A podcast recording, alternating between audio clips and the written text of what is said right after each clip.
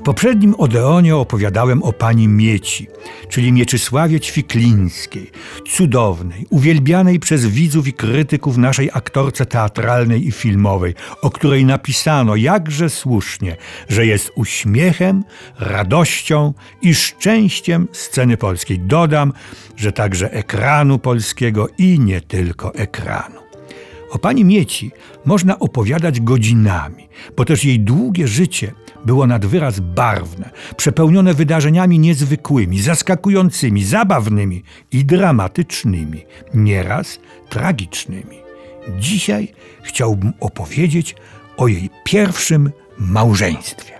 Pierwszym mężem pani Mieci był syn znanego i bogatego łódzkiego lekarza Zygmunt Bartkiewicz, malarz, dziennikarz, utalentowany powieściopisarz, autor m.in. głośnej książki o Pierwszym mężem pani Mieci był syn znanego i bogatego łódzkiego lekarza Zygmunt Bartkiewicz, malarz, dziennikarz i utalentowany powieściopisarz, autor między innymi głośnej książki o Łodzi Złe miasto.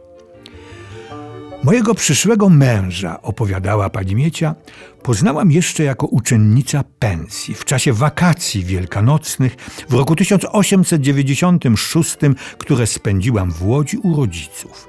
Spotkaliśmy się na zabawie świątecznej i na pensję wróciłam już z pierścionkiem zaręczynowym. Ale to nie ja zakochałam się w Bartkiewiczu, a chyba on we mnie. Nie był specjalnie przystojny. Można nawet było nazwać go brzydkim, lecz mógł bardzo się podobać. Był inteligentny, dowcipny, pełen zalet towarzyskich. Pamiętam, że w okresie konkurów pana Zygmunta dostałam pierwszą długą suknię i prześliczny kapelusik. Po ukończeniu pensji i zdaniu matury powróciłam do Łodzi i zamieszkałam z rodzicami. Coraz częściej spotykałam pana Zygmunta, który niezmiennie trwał w zamiarze poślubienia mnie. Przychodził do nas często i nie szczędził mi dowodów swoich gorących uczuć. Te względy okazywane mi jako osobie dorosłej ogromnie mi pochlebiały. Miałam 17 lat. Bartkiewicz był pierwszym moim konkurentem. Czy go kochałam? Nie umiem powiedzieć. Sama nie wiem, jak to się stało, że zgodziłam się na ślub, który odbył się w Warszawie w kościele Świętego Krzyża latem 1897 roku. Chciałoby się powiedzieć, ach, cóż to był za ślub. Pani Miecia tak go opisała. Ślub był oczywiście bardzo uroczysty. Po ceremonii ślubnej rodzice wydali wytworne śniadanie w hotelu angielskim. Miałam ślubną suknię z białego adamaszku i welon. Moje ciotki były w balowych tiulach, panowie we frakach. Po latach pani Miecia przyznawała, że jej małżeństwo było i przedwczesne, i nieudane. Choć pierwszy bal wspominała z rozrzewnieniem. Miałam na nim tę samą adamaszkową suknię ślubną, tylko nieco zmienioną, bo przybraną czarnymi jaskółkami. Również do moich bardzo jasnych włosów przypięto gniazdko z białej gazy, a w nim umieszczono jaskółkę. Wracaliśmy o świcie przymgloną ulicą Piotrkowską. Wszystko wydawało mi się takie piękne i poetyczne ale krótko trwało to nasze szczęście. Po pierwszych upojeniach nastąpiło rozczarowanie.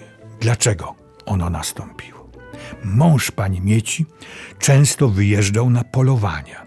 Lubił kolacje w gronie przyjaciół. Dziennikarskie posiedzenia, pisał felietony w Gońcu Łódzkim, też się przeciągały. Do domu wracał o świcie. Mój mąż tak go charakteryzowała pani Miecia, był typem cygana w modnym wówczas stylu młodopolskim.